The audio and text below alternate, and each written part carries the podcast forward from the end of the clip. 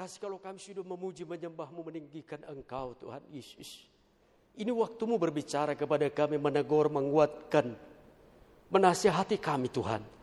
Karena itu tetap kuasai ruang roh jiwa hati pikiran tubuh seluruh keberadaan kami. Bahkan Tuhan tetap otoritasmu yang berdaulat di tempat ini.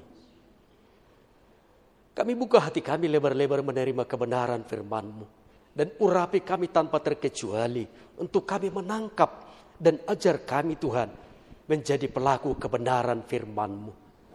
Terima kasih buat firman-Mu Tuhan. Teguhkan dengan tanda-tanda menyertai bagi kami. Karena itu segala kuasa yang tidak berasal daripada Tuhan berencana mencuri kebenaran firman-Mu, mencuri konsentrasi kami, kami tolak dan kami patahkan di dalam nama Tuhan Yesus Kristus. Hamba ini hanya sarana. Engkau saja yang berkarya dan berkata-kata kepada kami melalui kebenaran firman-Mu. Terima kasih Tuhan. Berbicaralah bahwa kami telah siap menerimanya sebab di dalam nama Tuhan Yesus Kristus firman yang hidup itu kami sudah berdoa. Haleluya. Amin. Silakan duduk Bapak Ibu Saudara-saudari. Shalom. Salam sejahtera buat kita semua. Terima kasih buat Bapak Ibu Saudara-saudari yang boleh datang ibadah kedua ini. Baik saudara, sebelum kita lanjutkan dalam pembacaan firman Tuhan mengingatkan kembali gembala dan tim penggembalaan tetap berusaha bagaimana supaya iman kita jemaat GBP Kapura tetap bertumbuh dan supaya iman kita ya tidak goyah maka akan diadakan kembali komsel tetapi tidak komsel seperti yang sebelumnya namun komsel keluarga. Karena itu tidak dipilih sebagai PKS khusus, tetapi dari setiap rumah tangga. Bisa sebagai suami, bisa sebagai istri, ataupun bahkan anak. Karena itu kalau ada dari supervisor yang meminta nomor HP saudara atau mengajak saudara atau mengingatkan saudara, tolong diresponi dengan benar. Yang kedua, mulai Jumat kemarin dan juga Jumat ini kita dua malam bersama di rumah masing-masing melalui Zoom. Karena itu sekali lagi tolong di-download Zoom di dalam aplikasi HP Bapak Ibu Saudara-saudari untuk kita sama-sama berdoa bersama melalui ya Zoom. Karena itu tadi pengumuman bagi pelayan wajib. Jadi jangan sampai Bapak Ibu Saudara-saudara yang bukan pelayan berpikir saya tidak pelayan berarti saya tidak wajib. Semua kita untuk kita sama-sama berdoa, bersekutu di dalam Tuhan. Terpuji Tuhan kita Yesus Kristus. Baik kita buka kitab kita dari kitab Daniel pasal yang ketiga. Ayat pertama sampai ayat yang ke-28. Tetapi kita baca ayat yang ke-16 sampai ayat yang ke-18 saja. Daniel pasal 3 ayat 16 sampai ayat yang ke-18.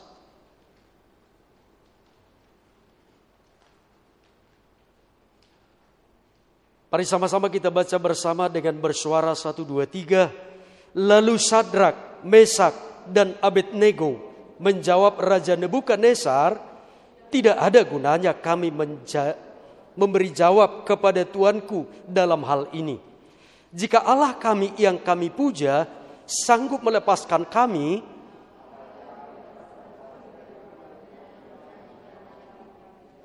dan dari dalam tanganmu ya Raja tetapi seandainya tidak, hendaklah Tuanku mengetahui, ia Raja, bahwa kami tidak akan memuja dewa Tuanku dan tidak akan menyembah patung emas yang Tuanku dirikan itu. Terima kasih atas kerjasama pembacaan firman Tuhan. Firman Tuhan berkata dalam Lukas pasal 11 ayat 28, yang berbahagia adalah mereka yang mendengar firman, membaca firman dan juga yang melakukannya di dalam kehidupannya hari lepas hari.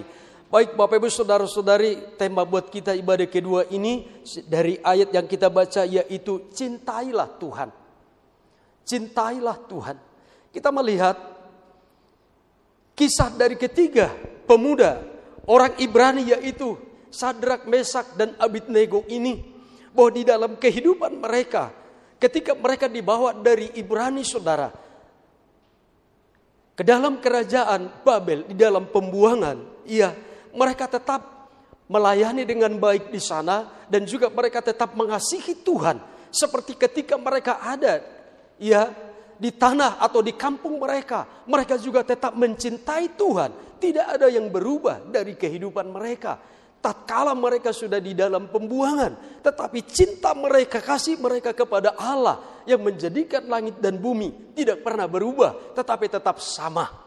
Bahkan ketika mereka ada di dalam kerajaan pembuangan Babel, yang mereka diberi kesempatan untuk melayani suatu wilayah kepada mereka. Karena kalau kita melihat di dalam pasal yang kedua ayat yang ke-48 dan ayat 49 dikatakan begini, ketika Daniel, Sadrak, Abednego dan Mesak tidak mau saudara mereka ketika Daniel bisa menafsirkan mimpi Raja Nebukadnezar, maka kepada Daniel diberikan dia penguasa yang kedua di tanah di kerajaan Babel. Dan juga Daniel meminta kepada Raja Nebukadnezar ya di ayat 89 lalu raja memuliakan Daniel dianugerahkanlah dengan banyak pemberian yang besar dan dibuatnya dia menjadi penguasa atas seluruh wilayah Babel dan menjadi kepala semua orang bijaksana di Babel ayat 49 atas permintaan Daniel raja menyerahkan pemerintahan wilayah Babel itu kepada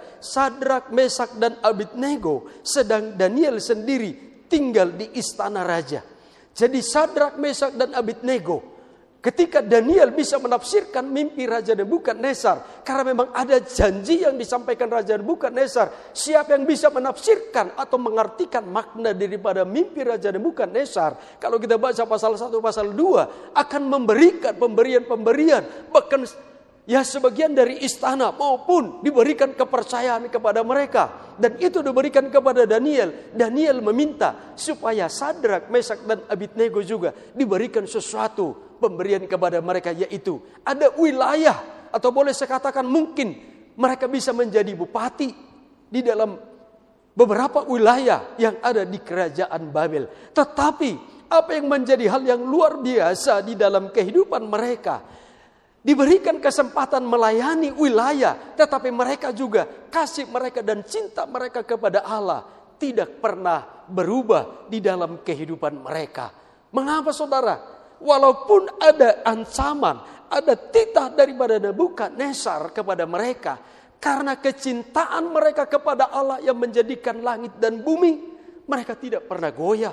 Hati mereka tidak pernah berubah untuk tetap mencintai Tuhan Bahkan walaupun sudah dibuat titah, barang siapa dari segala bangsa yang hidup ketika dibunyikan sangkakala harus menyembah dewa yang dibuat oleh Raja Nebukadnezar. Tapi Sadrak, Mesak dan Abednego mereka tidak mau menyembahnya. Itulah kecintaan mereka kepada Tuhan. Sehingga langkah apa yang dibuat atau yang diambil Sadrak, Mesak dan Abednego di dalam menjalani kehidupan mereka tatkala sudah ada titah atau ancaman yang sangat mematikan diperhadapkan kepada mereka. Yang pertama saudara, yaitu bahwa Sadrak, Mesak dan Abednego mereka mengalahkan rasa takut dan juga mereka melepaskan kenyamanan hidup.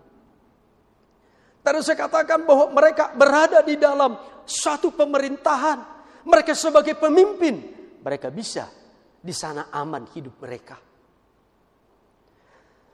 Tetapi ada ancaman yang membuat kepada mereka ada hukuman mati diperhadapkan kepada mereka. Secara manusia. Kita melihat pasal 3 ini saudara. Kita baca ayat selanjutnya di ayat 21, 22, 23. Bahwa ketika mereka tidak mau menyembah. Panas api itu dipanaskan tujuh kali lipat lagi. Dan orang yang menampakkan, menyampaikan mereka ke dalam perapian itu. Mereka mati. Ini ancaman yang mematikan. Tetapi saudara, Sadrak, Mesak, dan Abednego, mereka tetap lebih cinta kepada Allah. Mereka mengalahkan ketakutan, kematian. Dan mereka melepaskan saudara, kenyamanan hidup mereka. Hari-hari ini berapa banyak orang, ya, bukan lagi takut kepada Tuhan, tapi lebih memilih juga saudara takut kepada dunia ini dan juga lebih memilih mereka hidup dalam kenyamanan dunia. Sedangkan dunia adalah membawa kepada kebinasaan, tetapi melepaskan kenyamanan hidup itu justru melepaskan kematian. Minggu yang lalu memang bukan karena gembala coba siapa yang tidak hadir ibadah. Saya pribadi setiap hari minggu saya periksa siapa jemaat tidak hadir. Ketika kami hubungin ada juga berkata, Pak, sudah beberapa minggu tidak datang ibadah. Ada apa? Kiranya sehat-sehat semua ya Pak ya. Saya bilang begitu ya. Tapi sudah beberapa minggu tidak hadir ibadah. Kenapa Pak? Puji Tuhan Pak, kami sehat semua. Tetapi kenapa tidak datang ibadah? Pak, wilayah Depok sudah meluas COVID Pak, sudah zona merah. Ada yang berkata, Depok Pak sudah zona hitam. Bagaimana kita sebagai orang yang percaya kepada Tuhan? Memang kita tidak melihat COVID. Kita tidak tahu di mana dia berada. Kalau kita berada di rumah, nyaman, saya tidak kena COVID, apakah bisa menjamin ketika kita hanya di rumah, kita tidak datang ibadah, sudah menjamin bahwa kita tidak kena COVID? Enggak juga. Memang kita selalu mengingatkan kepada saudara bahwa kita harus tetap mengikuti protokol kesehatan yang ada. Jangan mengabaikan, bukan hanya di dalam kita beribadah, di luar sana pun jangan sampai kita balik saudara. Di tempat ini oh kita ikutin, tetapi di luar malah kita tidak mengikuti. Itu juga salah kaprah. Di mana pun kita berada, kecuali di dalam rumah kita. Kalau dalam satu rumah kita percaya kita sehat semua, tidak masalah saudara. Tetapi jangan sampai karena COVID, dalam arti saya tidak mengatakan COVID ini memang saudara sangat luar biasa. Membuat orang memang sudah nyata. Dokter di Indonesia sudah 100 lebih yang meninggal. Ya, sudah seratus lebih yang meninggal. Tetapi karena kita takut COVID, kita tidak datang ibadah. Itu kalau saya katakan itu berlebihan. Saya tidak mengatakan bahwa memang tidak perlu takut COVID dalam arti cari COVID di mana. Bukan begitu saudara. Tetapi kita boleh waspada kepada COVID ini. Tetapi saudara, alangkah lebih indah kita takut kepada Tuhan. Takut kepada Tuhan maksudnya saudara. Hormati Tuhan, hargai Tuhan. Dan percaya sungguh kepada Tuhan. Itu takut Tuhan. Bukan takut seperti ada COVID saya tidak berani. Bukan takut kepada setan saya tidak berani. Bukan seperti itu. Takut akan Tuhan. Hormati, hargai Tuhan. Bagaimana orang menghormati dan juga menghargai. Tentu dari lubuk hati yang paling dalam. Kasihnya dinyatakan kepada Tuhan. Cintanya dinyatakan kepada Tuhan. Sadrak, Mesak dan Abidnego. Sudah ada perapian yang menyala-nyala. Bahwa siapa yang tidak menyembah dewa yang didirikan oleh Raja Nebukadnezar. Itu tidak bisa diubah. Pasti akan dihukum mati. Itu sudah nyata. Tetapi Sadrak, Mesak dan Abidnego saudara. Mereka menolak itu sebabnya mereka memilih mengalahkan rasa takut yang ada di dalam diri mereka dan juga melepaskan rasa nyaman di dalam kehidupan mereka. Mereka boleh saja tidak mau, mereka boleh saja mengikuti saudara, apalagi mereka sebagai pemimpin di suatu wilayah. Nyaman hidup mereka, aman hidup mereka. Tidak apa-apa, kali ini saja Mungkin bisa saja mereka berkata seperti itu. Tetapi di dalam kecintaan mereka kepada Tuhan. Lebih baik mati di perapian. Daripada meninggalkan cinta akan Tuhan. Seberapa banyak di antara Bapak Ibu Saudara-saudari dan saya. Yang kita rela. Ya mengalahkan rasa takut. Melepaskan rasa nyaman dalam kehidupan kita. Saya beberapa saya hubungi itu jangan sampai juga kenapa tidak datang. Ada juga yang berkata, Pak saya demam, saya flu. Saya juga sempat berpikir jangan sampai karena dibilang diumumkan setiap minggu. Ya, bagi yang demam, flu, pilek tidak usah datang. Tapi jangan sampai jadi alasan supaya nyaman tidak usah datang ibadah saya di rumah saja. Ketika dihubungin, Pak saya demam, saya flu, saya pilek. Jangan sampai seperti itu karena apa? Enak di rumah nyaman. Jangan sampai terjadi seperti itu saudara. Karena apa?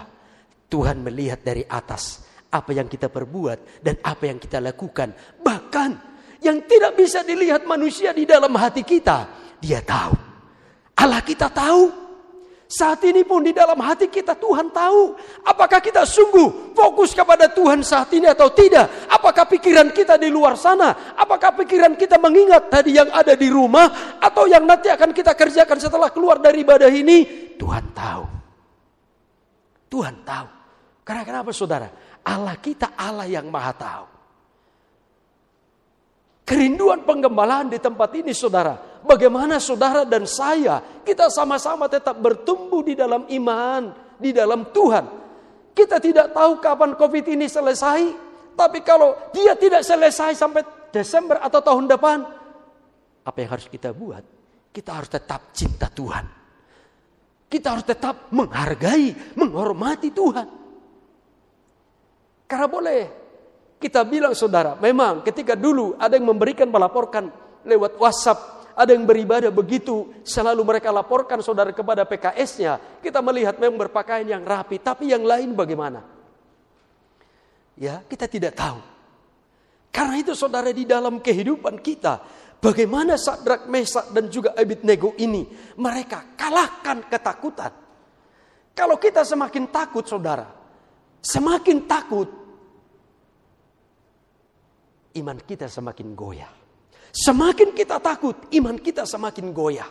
Tapi kalau kita mengalahkan ketakutan itu saudara, ada kekuatan yang baru, ada keberanian yang baru di dalam kehidupan kita. Itulah mendorong kita mampu ya melepaskan kenyamanan hidup di dalam kehidupan kita. Di dalam Alkitab ini, kalau saya tidak salah, kurang lebih dari kejadian pasal 1 ayat 1 sampai Wahyu pasal 22 ayat 21 kurang lebih 365 kali ada kalimat jangan takut. Jangan takut, jangan takut. Artinya kalau ada sampai 365 kali disebutkan saudara. Artinya bahwa kita harus lebih takut kepada Tuhan daripada apa yang ada di dalam dunia ini. Karena takut kepada Tuhan memberikan kehidupan kepada kita. Tapi takut kepada dunia ini membawa kita kepada kebinasaan. Karena kenapa? Di dalam Mazmur pasal 121 ayat 2. Pertolonganku ialah datangnya dari Tuhan. Di dalam 124 ayat 8 dikatakan, pertolongan kita adalah dalam nama Tuhan. Pertolongan kita bukan dari dunia, tapi pertolongan kita daripada Tuhan dan pertolongan kita dalam nama Tuhan. Tuhan kita Yesus Kristus. Ini yang penting di dalam kehidupan kita menghadapi situasi yang terjadi saat ini. Kalahkan rasa takut kita dan juga saudara, mari kita melepaskan rasa nyaman di dalam hidup kita saat ini. Yang kedua, apa yang kita pelajari daripada kisah Sadrak, Mesak dan Abednego ini yang kedua yaitu lebih takut terhadap Tuhan dan juga firman Tuhan daripada ancaman yang sudah dibuat. Ancaman dari Covid yang kita hadapi hari ini saudara, memang saudara, ada beberapa juga yang kita dengar, baru dua hari saudara positif sudah meninggal. Ya, masuk rumah sakit satu minggu sudah meninggal. Kalau tadi pagi pendeta Yakob Kuamesak menyampaikan, betul Pak pendeta Oki yang di Cibubur Raya, yang di kota wisata saudara. Semua memang yang masuk sudah masuk rumah sakit, tidak ada yang bisa besuk. Mau istri, mau anak. Dikubur saudara hanya tim petugas mengubur saya sudah pernah sampaikan, kalau ada biasanya jemaat meninggal, pendeta ke mana saudara? Kalau ada jemaat meninggal, pendeta ke mana? Halo, saya rindu kita dialog. Kalau ada pendeta meninggal, pendeta ke mana? Ini pertanyaan saya terlalu tinggi kali ya, susah dijawab. Pertanyaan saya terlalu rendah, susah dijawab. Kalau jemaat mati, pendeta ikut ke kuburan? Ikut, bahkan ikut melayani penguburan ya. Tapi pendeta meninggal saudara. Jemaat ke mana? Ikut enggak? Enggak karena covid ini. Boro-boro jemaat. Pendeta pun tidak bisa ikut. Ya. Memang mengerikan, menyedihkan kematian karena covid. Tapi kita tidak bisa berkata, wow kasihan ya. Inilah perjalanan hidup. Karena itu saudara, kita mau lebih takut sama siapa? Takut akan Tuhan itu yang lebih utama di dalam kehidupan kita. Walaupun ada ancaman. Maka saya katakan tadi, takut. Depok, udah zona merah, udah zona hitam.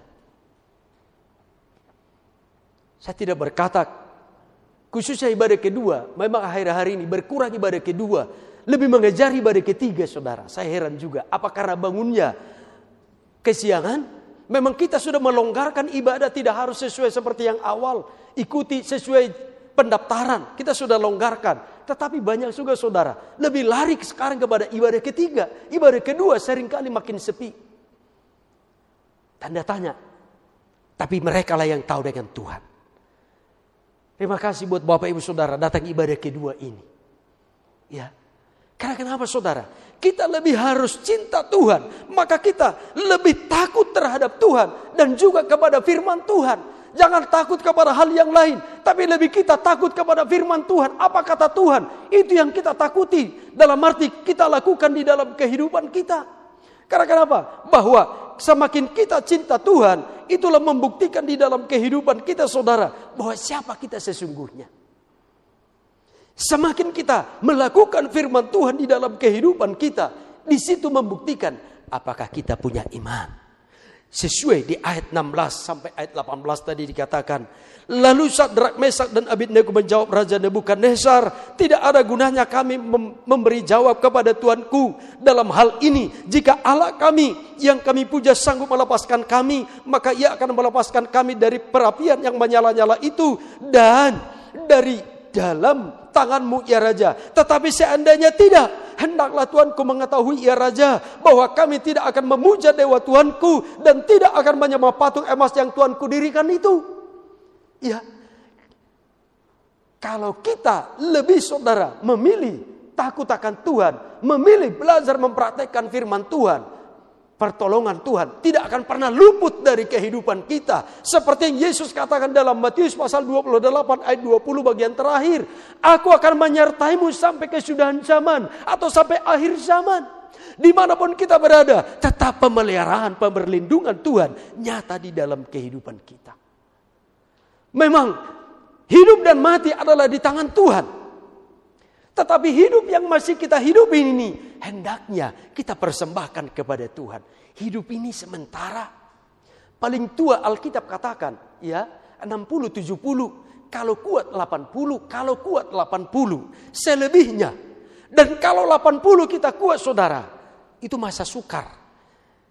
Waktu muda kita berjalan tanpa dituntun orang. Tapi kalau sudah tua, kita harus dituntun orang. Kita masih bisa negor anak, kalau sudah tua susah menegur anak. Karena kenapa? Anak sudah merasa lebih kuat, dia bisa cari uang. Orang tua ngomong, udah tutup telinga kadang-kadang. Nasihat orang tua sering kali tidak dihiraukan. Itu yang masalah. Harus tetap walaupun tua orang tua. Harus tetap kita sebagai anak. Hargai, hormati orang tua kita. Alkitab katakan apa saudara? Panjang umur, banyak rezeki Tuhan berikan. Lebih kita saudara bahwa harus kita lebih cinta Tuhan, menghargai, menghormati, yaitu takut akan Tuhan dan juga mengikuti perintah daripada Tuhan. Ini yang diperhatikan Sadrak, Mesat dan Abednego. Mereka lebih saudara takut Tuhan dan juga kepada firman Tuhan daripada titah yang sudah bahwa barang siapa ketika bunyi dibunyikan Siapa yang mendengar? Maka segala manusia, segala bangsa dari segala mana pun harus sujud menyembah patung. Titah itu sudah jelas ancamannya kematian. Tetapi Sadrak, Mesak dan Abednego lebih takut akan Tuhan. Lebih memilih mereka takut akan Tuhan. Daripada titah yang sudah dibuat Raja Nebukadnezar. Hari-hari ini di dalam hidup kita memang sekali lagi saudara. Bukan hanya ancaman hal-hal yang lain. Tapi memang karena COVID ini, banyak hal yang kita alami di dalam hidup kita. Yang berdampak kepada kesehatan, berdampak kepada ekonomi, berdampak kepada keluarga. Eh, saya berharap tidak terjadi sih ya. Hari-hari ini tingkat perceraian sangat tinggi saudara. Tingkat perselingkuhan hari-hari ini sangat tinggi. Mereka tidak takut Tuhan lagi. Mereka gampang mau minta cerai. Mereka tidak takut Tuhan lagi. Mereka gampang selingkuh. Di Indonesia dan juga di kota Depok. Tingkat perceraian naik. Tingkat perselingkuhan naik. Karena kenapa? Semua lewat WhatsApp. Semua lewat HP. Semua lewat online. Termasuk apalagi ketika kita ibadah di dalam rumah semua orang melalui teknologi saudara. Tidak lagi dengan ibadah. Itu membuat saudara. Bukan hanya kesehatan. secara jasmani, ekonomi, tetapi iman rontok. Iman runtuh. Karena itu penggembalaan di GBP Kapuran. Bagaimana iman saudara dan saya tetap teguh. Dan supaya tidak rontok. Dan tidak runtuh. Kita rindu mau selalu. Kita adakan ibadah. Ada doa malam. Ada komsel. Dan selalu dikatakan baca firman Tuhan. Karena kenapa saudara? Firman Tuhan ini memberikan jaminan dan jawaban dalam segala hal dalam hidup kita. Saya tidak mengatakan saudara ini Tuhan, ini kertas ini saudara, ini kertas. Ini apa saudara? Halo? Ini Alkitab, tapi ditulis dalam kertas.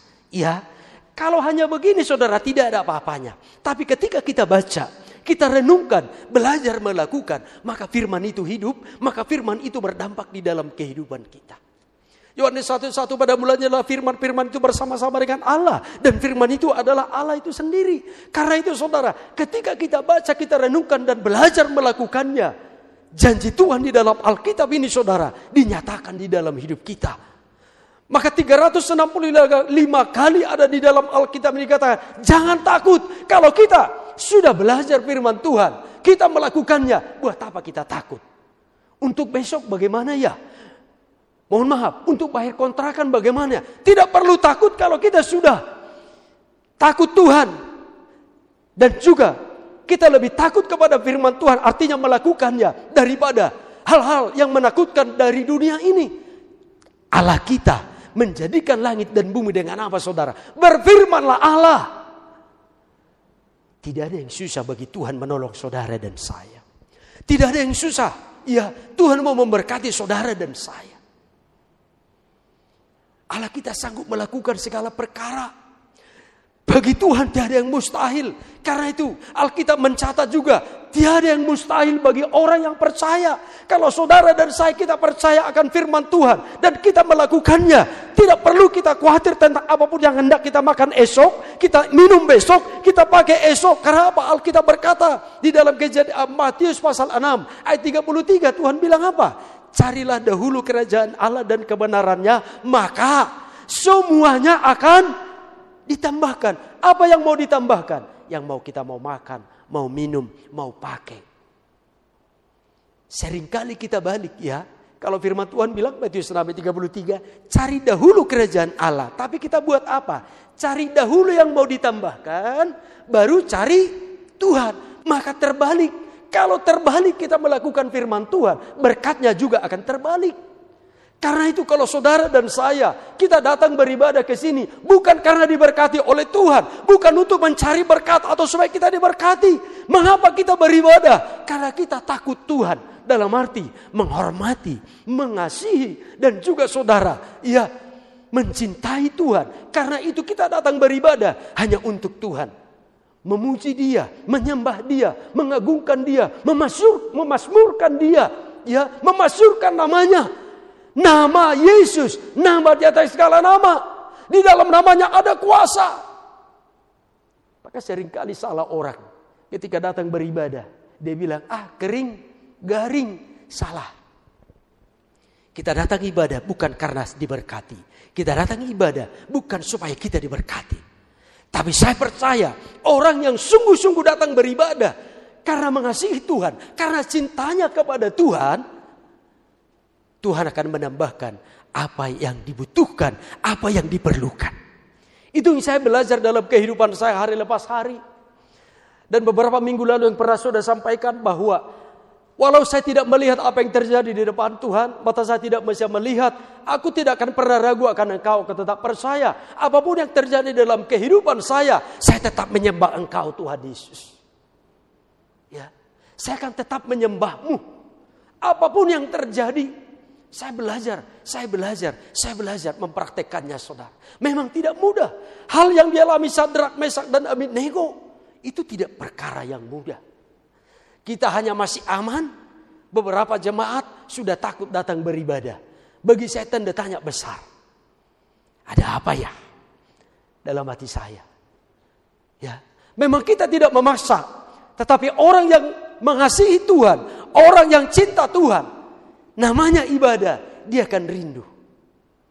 Namanya orang cinta Tuhan, lebih menghargai dan takut Tuhan. Dan juga lebih dia takut akan kebenaran firman Tuhan. Dan mau belajar melakukannya. Saya percaya kerinduannya untuk beribadah selalu ada di dalam kehidupannya. Karena itu saudara di dalam kehidupan kita. Hari lepas hari ini. Apa pun atau di mana pun kita berada. Ingat Tuhan. Karena itu setiap hari saya walaupun saudara di perjalanan. Saya belajar ingat Tuhan. Berkata Tuhan engkau baik amat sama saya. Di atas motor saya berdoa. Bahasa roh berbahasa dengan kata yang bisa dimengerti. Dan saya bernyanyi kepada Tuhan. Ya, karena kenapa? Di mana pun kita berada, belajar mempraktekkan ingat Tuhan. Artinya kita mengingat Tuhan. Itulah kerinduan kita kepada Tuhan. Dan bukti bahwa kita mengasihi Tuhan. Dengan kita mengasihi Tuhan, bukan di mana pun kita berada. Itulah mendorong kita. Ketika ada kesempatan untuk beribadah, apa pun yang mau menghambat kita datang beribadah, singkirkan dulu, saya mau beribadah. Singkirkan dulu, saya mau ketemu Tuhan. Saya mau menyembah Tuhan. Sesungguhnya saudara, Alkitab berkata apa? Hari Minggu itu kita tidak bisa buat apa-apa kecuali untuk Tuhan. Tidak bisa, mau bekerja nggak bisa. Bapak Ibu ingat ya kan? Perintah keberapa? Nggak tahu. Perintah keberapa tidak boleh melakukan hormati hari sabat, hargai hari sabat. Perintah keberapa? Domba pun tidak bisa, ternak pun tidak bisa bekerja. Orang lain pun datang ke tempat kita tidak bisa bekerja. Kenapa? Khusus bagi Tuhan. Tapi di perkotaan ini, ibadah dulu, bekerja, atau misalnya pedagang ibadah dulu baru buka usaha lagi. Bisa. Artinya apa saudara? Utamakan dulu waktu kita ini untuk Tuhan. Maka Tuhan mengutamakan waktu kita itu. Di situ Tuhan akan beracara bekerja dalam kehidupan kita. Maka apa yang kita kerjakan, tangan Tuhan campur tangan. Apa yang kita perbuat, tangan Tuhan campur tangan. Sehingga di situlah kita memperoleh apa saudara? Ada hasil ada untung, ada upah yang anda kita mau makan, mau minum, mau pakai di dalam hidup kita. Jangan saudara, kita waktu yang ada Tuhan berikan, kita pakai kepada hal dunia. Tapi kita, Tuhan mana berkatmu? Aku udah berdoa. Padahal doanya pas ketika lagi butuh. Baru berdoa. Kita hidup jangan pas lagi butuh, baru berdoa. Mengapa Sadrak, Mesad dan Abidnego saudara mereka siap menghadapi kematian itu. Karena mereka berkata tadi di ayat 18, seandainya Tuhan yang kami puja pun tidak sanggup melepaskan atau menolong kami, kami tetap tidak menyembah dewa atau patung yang Tuhan kubuat. Karena kenapa? Sebelum ada ini saudara, mereka tetap menjaga kasih mereka, cinta mereka kepada Tuhan. Maka karena mereka tahu bahwa Tuhan pasti menolong mereka, bahkan sekalipun mereka mati, mati di dalam Tuhan. Filipi pasal 1 ayat yang ke-21. Kita hidup, hidup bagi Kristus, mati adalah keuntungan. Jadi kalaupun kita mati, selama sebelum kita mati saudara, hidup kita untuk Tuhan, atau waktu yang ada pada kita kita persembahkan kepada Tuhan, itu luar biasa. Dan ketika kita mati adalah untung. Mati, untung. Tapi saudara jangan asal cepat mati aja. Saudara pulang dari sini Pak Jeli bilang kan mati keuntungan. Saudara ada mobil, saudara santai aja itu celaka saudara. Bukan begitu yang saya maksudkan. Selagi kita masih hidup, persembahkan hidup kita, waktu yang ada untuk kemuliaan Tuhan. Dan kalaupun kita mati, keuntungan. Kenapa? Kita berjumpa dengan Yesus. Dengan mata yang sudah diberikan Tuhan. Dengan mata kemuliaan sehingga itu kerinduan saudara dan saya. Dunia ini akan lenyap. Tetapi orang sungguh-sungguh takut akan Tuhan, mencintai Tuhan. Akan bertemu dengan Tuhan di dalam kekekalan. Ini yang kita perjuangkan selagi kita masih hidup. Harta benda apa yang ada pada kita, jabatan, pangkat, titel yang berderet-deret di depan, di belakang nama kita. Itu tidak akan ditanya Tuhan. Pangkatmu apa, titelmu apa, enggak so. Itu tenggelam semuanya di muka bumi ini. Tetapi ketika kita takut akan Tuhan, menghargai, menghormati Tuhan senantiasa. Itu yang Tuhan rindukan di dalam hidup kita. Mari kita pilih di dalam kehidupan kita takut Tuhan dan belajar, percaya dan melakukan kebenaran firman Tuhan di dalam kehidupan kita. Yang ketiga saudara, apa yang kita belajar kembali dari kisah Sadrak, Mesak dan Abidnego ini. Langkah yang mereka ambil walaupun sudah ada titah daripada Raja Nebukadnezar. Yang ketiga adalah Sadrak, Mesak dan Abidnego. Mereka saudara memilih mengandalkan Tuhan. Mengandalkan kekuatan sendiri terbatas Mengandalkan harta terbatas, mengandalkan kepintaran terbatas kemampuannya. Apalagi kita mengandalkan dunia, jelas terbatas. Tetapi orang yang menaruh pengharapan dan mengandalkan Tuhan, selalu ada jalan keluar, selalu ada solusi yang terbaik Tuhan berikan di dalam kehidupan kita. Maka orang-orang yang mengandalkan Tuhan saudara, sekalipun sudah ada ancaman, kisah daripada Rasul Paulus dan juga Silas di dalam kisah para rasul pasal 16 ayat 23 sampai 20, 26 ketika mereka sudah didera, mereka dimasukkan ke dalam penjara di bawah tanah. Mereka tidak menyalahkan siapa-siapa, tapi mereka saudara di sana, mereka memuji Tuhan. Mereka memasyurkan nama Tuhan. Apa yang terjadi saudara? Ya, ada gempa yang luar biasa terjadi, melepaskan belenggu dari kehidupan mereka, bahkan rantai di tangan, rantai di kaki dan juga pintu penjara saudara terlepas terbuka semua. Mereka terbebas. Seandainya mereka lari, bisa. Tapi walaupun mereka terbebas, mereka terlepas, mereka tidak lari. Kenapa saudara? Mereka harus membuktikan bahwa Allah yang tetap menyertai mereka.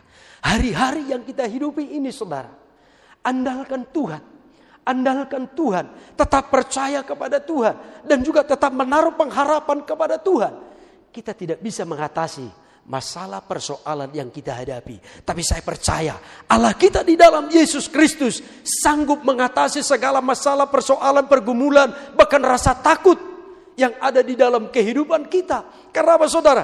Bahwa tatkala kita takut kepada dunia semakin mentok semakin tertutup pintu-pintu langit bagi saudara dan juga saya. Tapi semakin kita takut Tuhan mengandalkan Tuhan yang tadinya orang berkata tidak bisa, sudah tertutup. Tuhan sanggup membuka pintu yang sudah tertutup dan Tuhanlah yang sanggup menutup pintu yang sudah terbuka.